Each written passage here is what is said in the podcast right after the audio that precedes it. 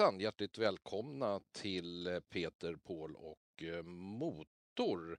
En podd som handlar om motorracing. Idag Peter så ska vi prata om det som heter One Hit Wonders. Och det är ju vanligt här med musikbranschen. Det finns ju hur många eh, låtar som helst och i sportvärlden har man ju sådana här som Joe Namath till exempel, den amerikanske quarterbacken som är en Hall of Famer quarterback trots att han inte är speciellt känd. Men det var för att han gjorde en match i Super Bowl 3 som gjorde honom berömd för resten av hans liv.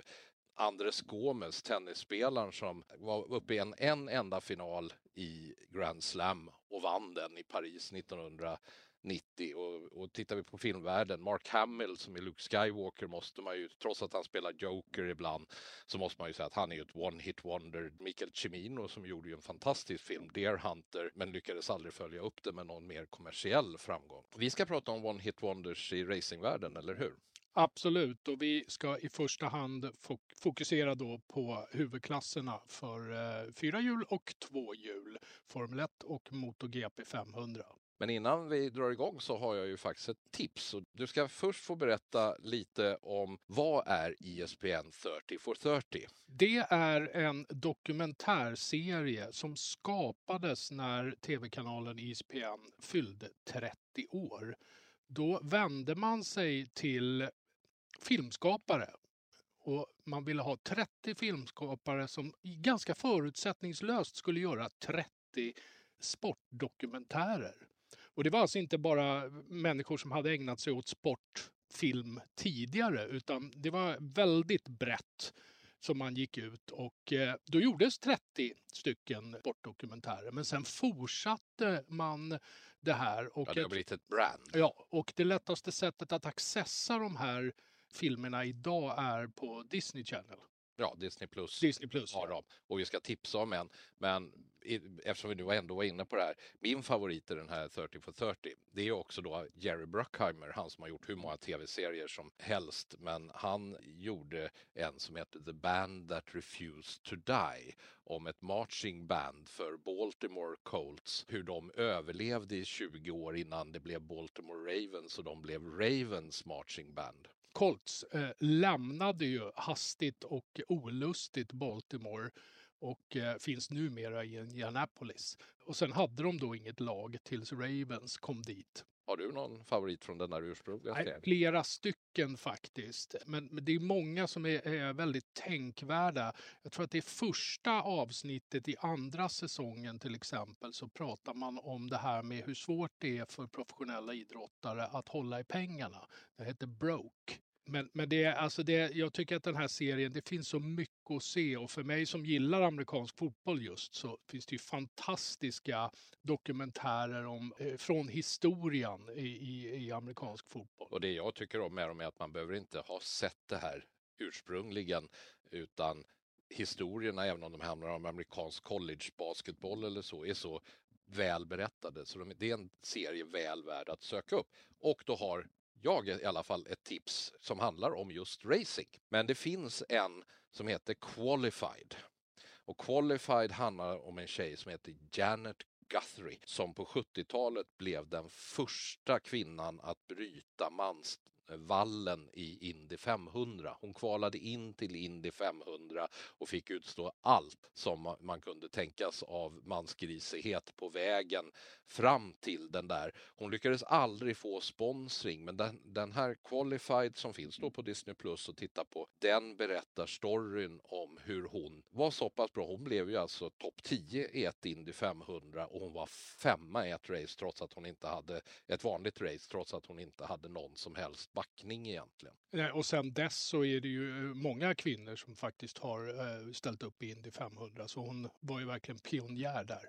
Qualified heter den. Men ska vi ta och börja då med eh, dagens program. Vi ska alltså prata om One Hit Wonders, Peter, och vi ska säga det att vi kommer göra så att när det gäller fyra hjul, då kommer vi prata om förare som vann ett lopp av på den här nivån då, Formel 1. På två hjul så, så ska vi prata om världsmästare. Ja, både och faktiskt. Eh, jag kommer att ta upp några förare, några av dem som bara vunnit ett GP-lopp i huvudklassen, men framför allt fokusera på sådana som har tagit en VM-titel, för det är ovanligare än vad man skulle kunna tro. Ja, på, på två hjul. I, I Formel 1 så har man ganska många eh, sådana. Men om man tittar på Formel 1 så har det funnits totalt 112 olika segrare i Formel 1 sedan starten 1950. 26 av dem, om vi räknar bort Indy 500-segrarna, som man, de tävlade ju, det var ju så att på 50-talet var ju Indy 500 en del av VM-serien, men man valde ju att eh, amerikanerna åkte ju inte över till Europa och tävlade i, i den vanliga de vanliga loppen och det var i stort sett inga europeer som åkte över till USA för att tävla i Indy 500. Men om man räknar bort dem så finns det 26 förare som har vunnit ett enda lopp. Carlos Sainz var med i den här gruppen men föll ur nu när han tog sin andra seger i eh, Singapore under 2023. Eh, det finns tre aktiva förare. Det är George Russell, Esteban Ocon och Pierre Gasly. Vi har två svenskar, men de ska vi inte prata om för att svenskarna har ju vi pratat om i eh, vårt avsnitt om svenskar i Formel 1, så då får ni leta upp det och titta på det istället. Eh, Jocke Bonnier vann 1959 på Sandfort, enda segern för han, under, eller för, för Jocke Bonnier under 15 år i Formel 1. Och Gunnar Nilsson vann i Belgien 1977 och den är ju lite speciell i och för sig därför att det är enda gången tror jag i Formel 1 där vi har haft två svenskar på pallen i ett Formel 1-lopp för Ronnie Pettersson var trea i det loppet. Det intressanta är just att det är så få ändå på alla de loppen som har körts i Formel 1 som bara har vunnit ett race. Och eh, jag tror lite grann att det beror på att om du jämför med två hjul nu, att bilen är så mycket viktigare i Formel 1. Det är en mycket större del av ekvationen där. Så att om man har en bil som kan vinna med en förare som kan vinna, så vinner de oftast flera gånger. När jag tittat igenom det här för Formel 1 då, så är det att de flesta av de här killarna är några undantag, men de flesta av de här förarna är riktigt bra förare. Så att oftast är det också det att ja, de har kanske inte haft så mycket tur. Alltså att det vill att, att de väl har vunnit är en skicklighet mera än att det har varit tur. Men det finns en del som är förvånansvärt bra i den här gruppen. Det första namnet jag tänker ge dig, det är en kille som heter Luigi Fagioli. Och då kan du gissa att han kommer ifrån? Italien. Luigi Fagioli är faktiskt den enda förare som är född på 1800-talet som har vunnit i Formel 1. Och det beror ju då på att han var med från början, 1950.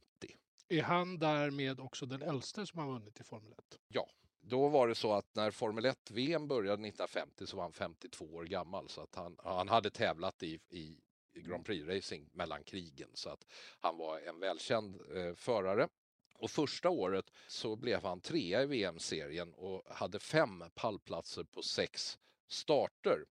Sen gjorde han bara ett enda lopp till. Det var 1951 i Frankrikes Grand Prix i Reims. Och då säger ju du att ja, men det där har vi ju pratat om. Det loppet vann Fangio. Och det gjorde han. Tillsammans med Fagioli för att Fangio fick problem med sin bil och Fagioli fick lämna över sin bil till Fangio som då såg till att vinna loppet och därmed så vann Fagioli sitt sista race som 53-åring. Och sen lämnade han Formel 1 och så gick han över till sportvagnar istället och körde ihjäl sig året efter i vad man trodde var en liten olycka. Men eh, han fick eh, interna blödningar och dog. Och Luigi Fagioli är alltså den enda föraren född på 1800-talet som har vunnit ett Formel 1-race. Det vore intressant om sånt där skulle kunna regelmässigt ske idag. Om du tänker dig att Verstappen får problem med sin Red Bull, åker in i depån och att de tvingar in Perez och säger åt honom du får lämna din bil här till Max så att han får gå ut och ta poängen. Det har man nog tagit bort. Jag tror inte det står i reglerna. Jag tror inte det skulle fungera så att säga. Det skulle kosta så mycket tid att det inte skulle löna sig i vilket fall som helst skulle jag tro. Eftersom det är så ofantligt mycket jämnare i, i Formel 1 idag än vad det var då.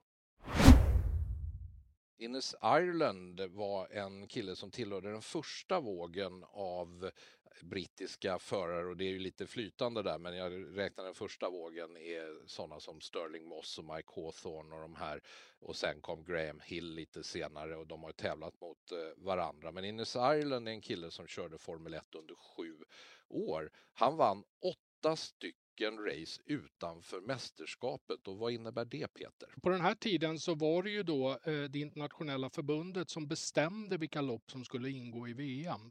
Men man kunde arrangera ett F1-lopp utan att det hade VM-status, även om alla naturligtvis ville ha VM-status till sina lopp. Så att det var ungefär lika många Grand Prix som inte ingick i VM och han vann åtta av dem under sju år, så kapaciteten fanns ju där. Men han vann bara ett enda Formel 1-lopp och det gjorde han 1961 efter att först ha skadat sig i Monaco. Så kom han tillbaka till USAs Grand Prix vi ska inte gå igenom själva loppet ändå, men det var eh, ursprungligen så trodde man att det skulle bli Jack Brabham som ju då var, var dubbel världsmästare eller Sterling Moss som skulle ta hem det här, men de fick båda problem och sen jobbade han sig upp genom fältet och tog hem det här. Men det, det som gör den här segern, förutom att det var den enda segern för Innes Ireland, är ju också att det var den första segern för Lotus. Och det innebär ju då att eh, han står alltid först i listan med alla de som sen har vunnit med Lotus där vi hittar alla världsmästare och andra. Men eh, det blev en seger för Innes Island under hans sju år i Formel 1. Italiens Grand Prix 1971. Det här är ett race som anses vara ett av de mest spännande racen som någonsin har avgjorts. Där vi hade, tror jag, om det var fem förare inom 0,3 sekunder i mål. Men anledningen att det här är, vi tar med den här, det här var den gången när man trodde att Ronnie Pettersson skulle ta sin första seger. Det var ett lopp där man låg och slipstreamade med varandra och det var fyra, fem förare som låg och bytte placeringar med varandra och en av dem var Ronnie Pettersson. Men i sista kurvan i parabolikan blev han passerad av en kille som heter Peter Gethin. Och han tog hem segern med om det är 0,01 eller 0,02 sekunder. Jag tror att det är en hundradel ja, som är ja. den officiella siffran där. Så att det är, var oerhört tätt. Men Peter Gethin lyckades sen aldrig ta fler segrar i Formel 1 utan fick problem med, eller det var när BRM började få ordentliga problem med sina bilar och efter ett par säsonger när han inte ens var i närheten och var på podiet så lämnade han Formel 1 1974. Men vi tar med honom just av den anledningen att annars hade det varit Ronny som hade vunnit på Monza och Ronny och Monza är ju en speciell historia i sig. Och en av dem som var med och slogs om segern just i det här loppet i Italien, det var en mycket begåvad fransman som var brorson till Jean-Pierre Beltoise, som för övrigt också är en av dem som bara har vunnit en seger. Han vann Monacos Grand Prix 1972 efter att ha tvärdykt in i första kurvan, tagit ledningen och sen hållit den. Men det var en kille som Jackie Stewart trodde skulle bli den som tog över efter Jackie Stewart och det var en kille som hette François Sefer. Och eh, Sefer körde för Tarell och eh, 1971 så som man alltid gjorde på hösten så gav man ju sig över till USA och körde på Watkins Glen och där så tog Sefer sin enda seger i karriären, vilket är förvånande och det är också lite ironiskt därför att det var just på Watkins Glen han sen körde ihjäl sig 1973. Men Sefer var ju en sån här man trodde skulle bli världsmästare men som aldrig blev det. Under 1975 så har vi ytterligare en eh, förare i Formel 1-VM som bara har vunnit ett lopp i sin karriär och det är en av dina favoriter Paul. Ja, Vittorio Brambilla eller Gorillan från Monza som han kallades. En något brutal förare, inte så att han var ful mot andra, men han hade vissa problem att hålla bilen på vägen. Han råkade ut för en del krascher 1975 så hade vi en hel del lopp. Vi hade Jochen Mass vann ju 1975 också bara ett race och det gjorde han i Spaniens Grand Prix, en av de riktigt mörka händelserna i Formel 1 historia med flera döda åskådare och annat efter en krasch. Men det var mycket regn också. Man hade regn i Spanien och man hade regn i Österrike. Niki Lauda och James Hunt stod längst fram och Brambilla stod eh, en bit eh, bakom. Det började regna och det blev värre och värre och värre. Man hade kommit en bra bit in i loppet så utnyttjade Brambilla att eh, Hunt tvekade när han skulle köra, eh, göra en varvning och lyckades ta över ledningen men sen så då så blev det riktigt dåligt väder ännu mer.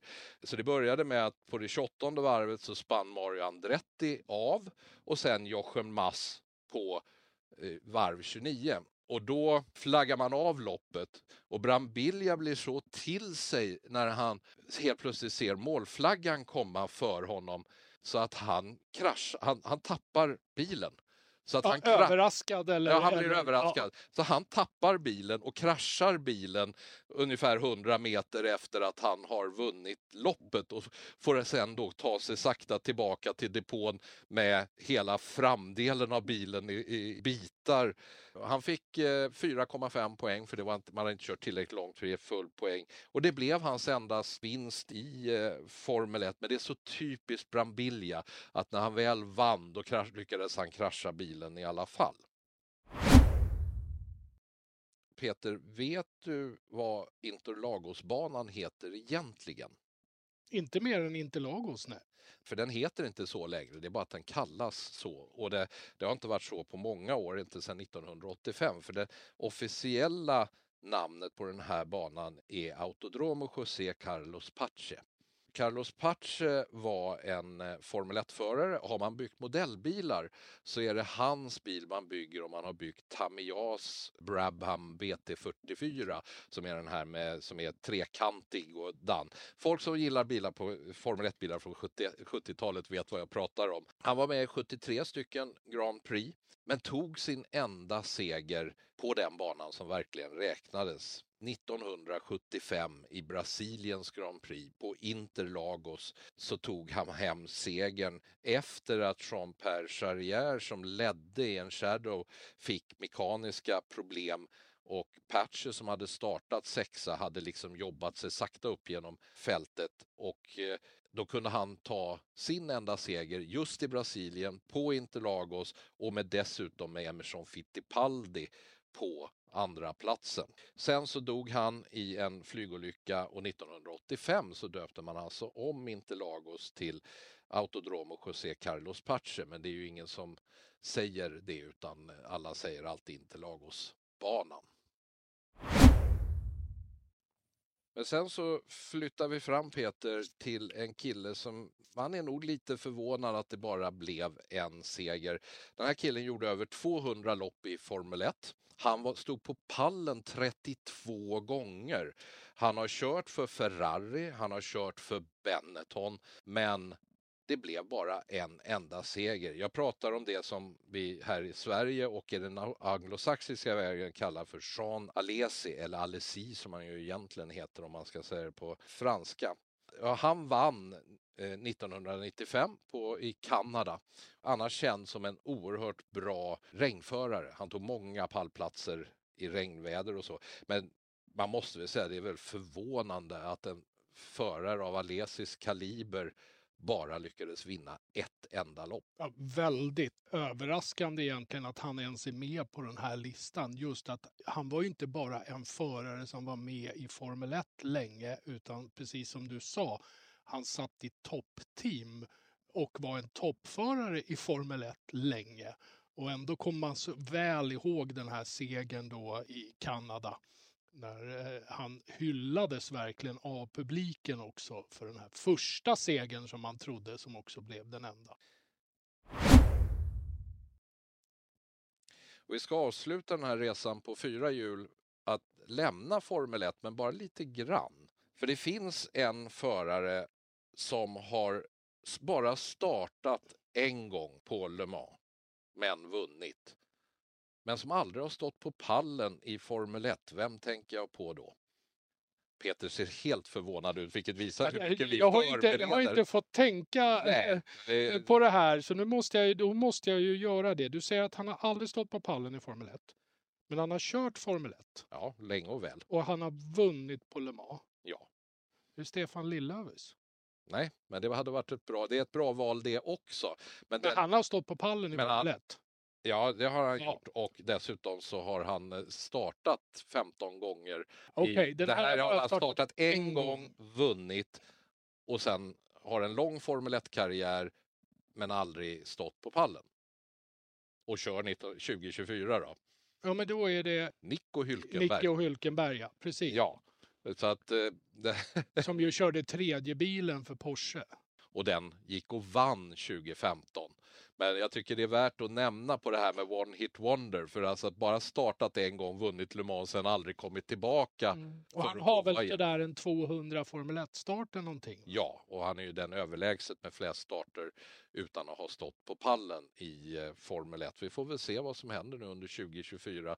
Fast jag tror väl inte att Ha- Haas kommer att ha en bil att tävla med eh, av kvalitet i år heller.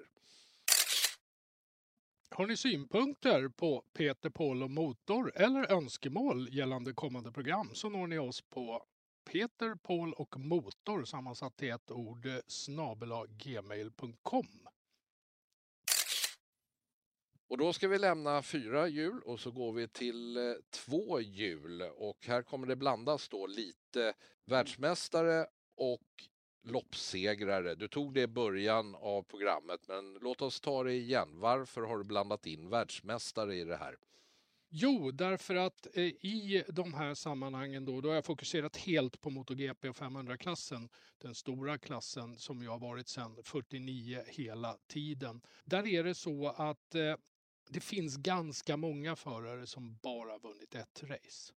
Men det intressanta är att eh, det här med att ta titlar har mer av en, en catch-up-effekt. Är man snabb och talangfull nog att ta en VM-titel så tar man ofta flera och jag tror snittet ligger någonstans mellan två och en halv och tre titlar. Och vi har ju bara i modern tid till exempel Rossi med sju titlar och Marquez har väl sex och sådär. Så att det, alltså, det har ju varit eh, så och även då eh, klassiskt eh, så har man till exempel Agostini med sina titlar. Men eh, vi kan börja med sådana då som uppfyller kraven på One Hit Wonder som är värda att nämna. Och där har jag valt ut några stycken. Och då måste man ju börja från början med Harold Daniel. Harold Daniel var den allra första Grand Prix-vinnaren i det officiella VMet på Isle of Man 1949. Och det är också den enda segern han har tagit. Han hade vunnit tidigare i TT, men var 40 år gammal då när han eh, 49 vann det här loppet. Och det berodde ju på att kriget hade kommit emellan. Det var många som hade karriär både före och efter. Och det återkommer vi till på världsmästarna sen. Sen har jag valt ut några i modern tid och eh, vi ska väl börja kanske i lite omodern tid med Pierre Francesco Killy. Eh, han är lite honorable mention här för att han var privatförare och eh, vann bara ett enda lopp på Misano 1989. Och det berodde på att eh, fabriksförarna, eller förarna generellt tyckte banan var i för dåligt skick när den var blöt. Det blev för halt. Så att fabriksförarna bojkottade racet.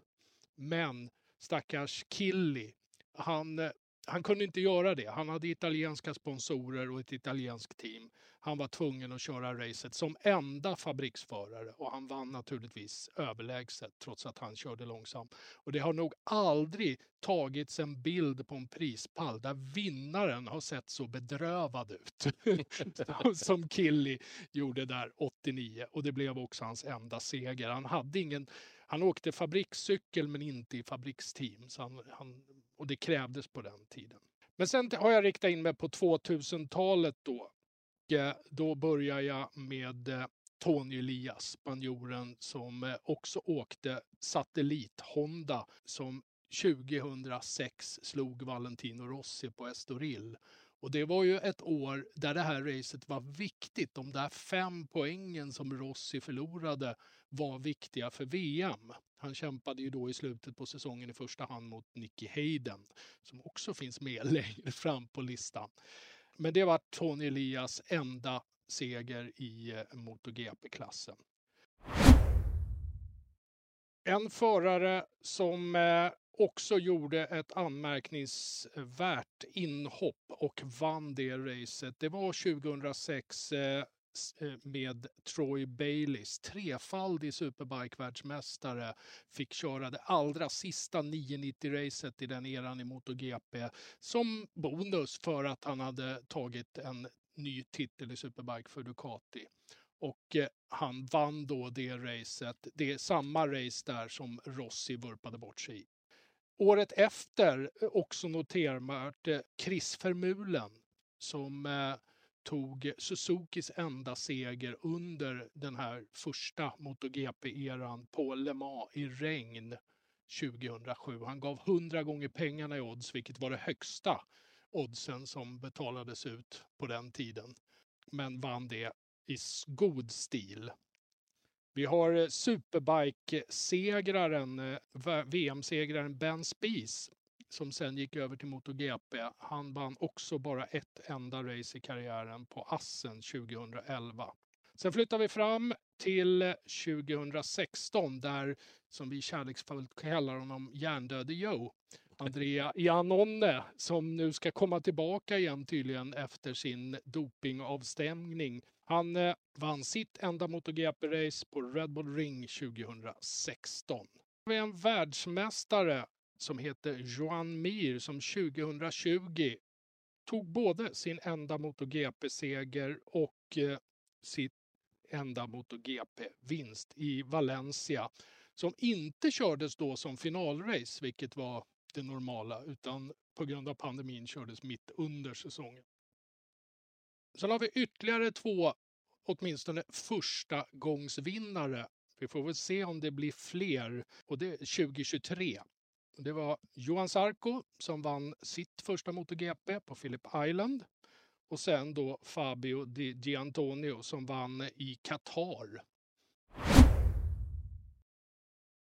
Och sen så om vi då tittar, du har några världsmästare vi bör prata om också väl på den här listan. Så det är inte bara, det här var de som har vunnit enstaka lopp och Mir har då råkat vinna ett lopp och vann VM tack, inte tack vare det loppet, men det var en del av att han vann VM. Den säsongen ja.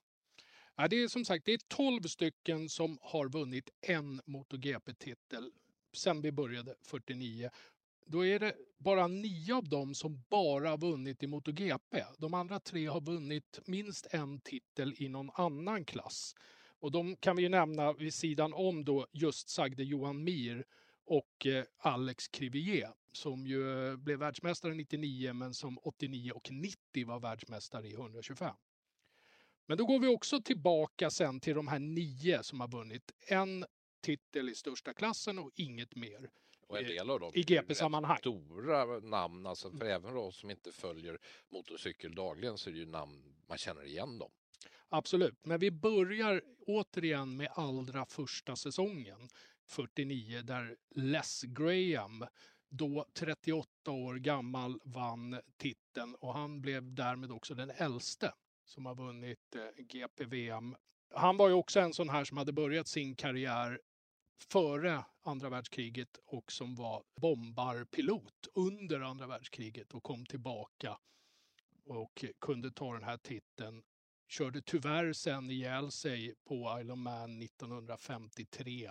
Och det var lite speciellt de här första åren därför man räknade inte alla deltävlingar. Första säsongen ingick sex deltävlingar i VM och man fick dessutom en VM-poäng för snabbaste varv. Men man behövde bara räkna de tre bästa loppen. Och då var det så att Leslie han vann två lopp och kom tvåa på Isle of Man då bakom Harold Daniel. Medan hans främsta motståndare då Nello Pagani, italienaren, han vann två lopp och kom trea. Så att, eh, trots att Pagani hade betydligt mer poäng över hela säsongen så tog eh, Les Graham då titeln. Och sen flyttar vi fram då, vem nästa som du vill prata om? Ja, eh, jag tänker hoppa över Libero Liberati som vann 57. därför att jag vet väldigt lite om honom. Men utan jag kommer in då i, i min egen era, om vi säger så, med början av eh, 80-talet. Och där hade man ju en situation där Suzuki och Yamaha med sina nästan produktionsräsare hade dominerat 500 VM under flera år. Och då hade vi Marcelino Lucchi som vann 81 just på en Suzuki och Franco Uncini 82 på samma fabrikat. Men sen hoppar vi fram till, som du säger, de här riktiga eh, som, som är kungligheter för mig i roadracing-sammanhang. Ja, väldigt mycket. Sen kom ju en lång era av amerikaner och det är väl de du ska prata om, några av dem. Ja, nästan. Vi börjar faktiskt med en eh, australier då, Wayne Gardner, som mellan alla de här amerikanerna tog sina titlar. Roberts, Spencer och så Eddie vidare. Lawson. Eddie Lawson och Wayne Rainey. Han tog ju en VM-titel 1987. Och sen då kanske den allra största stjärnan i den eran, eller åtminstone publikfavoriten, Kevin Schwantz som också bara tog en titel 93, samma år som Rainey skadade sig, vilket också gjorde att Schwantz sen mer eller mindre tappade intresset. Rainey hade varit hans rival och hans, ska vi säga, morot under karriären.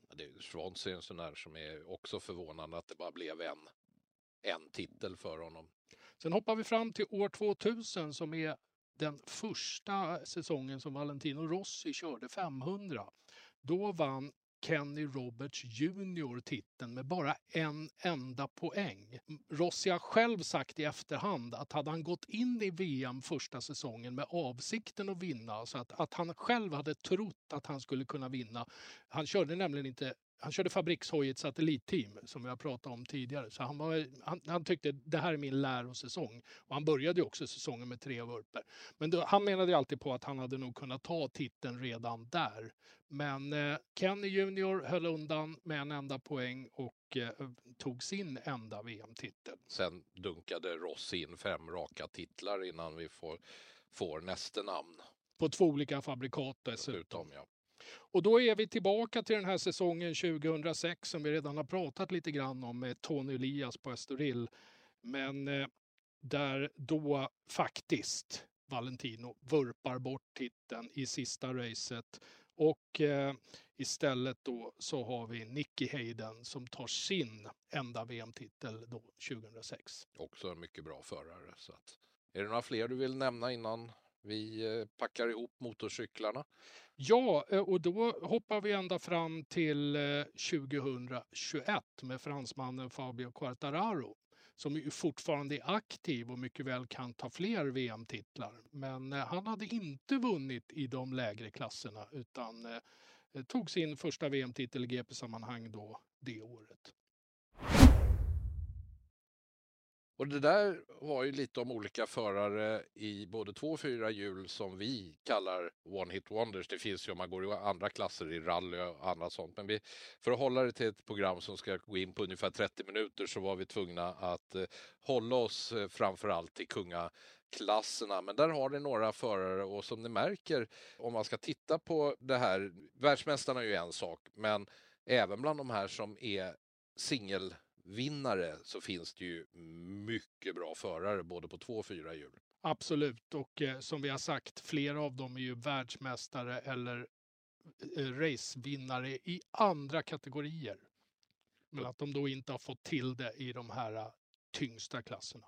Nej, och med den som jag är mest förvånad över, eftersom jag håller på med fyrhjulingarna, så är det just Jean Alesi med alltså 32 pallplatser på 200 starter lite drygt i i Formel 1. Det är ett ganska bra facit, var på pallen vart sjätte lopp men med bara en enda race-seger. Och har du någon favorit av de här bland dem på två hjul? Det måste ju, om vi, om vi tar de här som vi har nämnt här så, så måste det kanske vara Kevin Swanson då. Därför att han körde så spektakulärt, vilket var en del av problemet. Han gjorde också mycket misstag, vurpade flera gånger i ledning och sådana här saker. Så med det så tar vi och tackar för att eh, ni har varit med och eh, lyssnat den här gången. Vi återkommer om några veckor igen med ett nytt eh, avsnitt. Tills dess, ha det så bra. Hej då!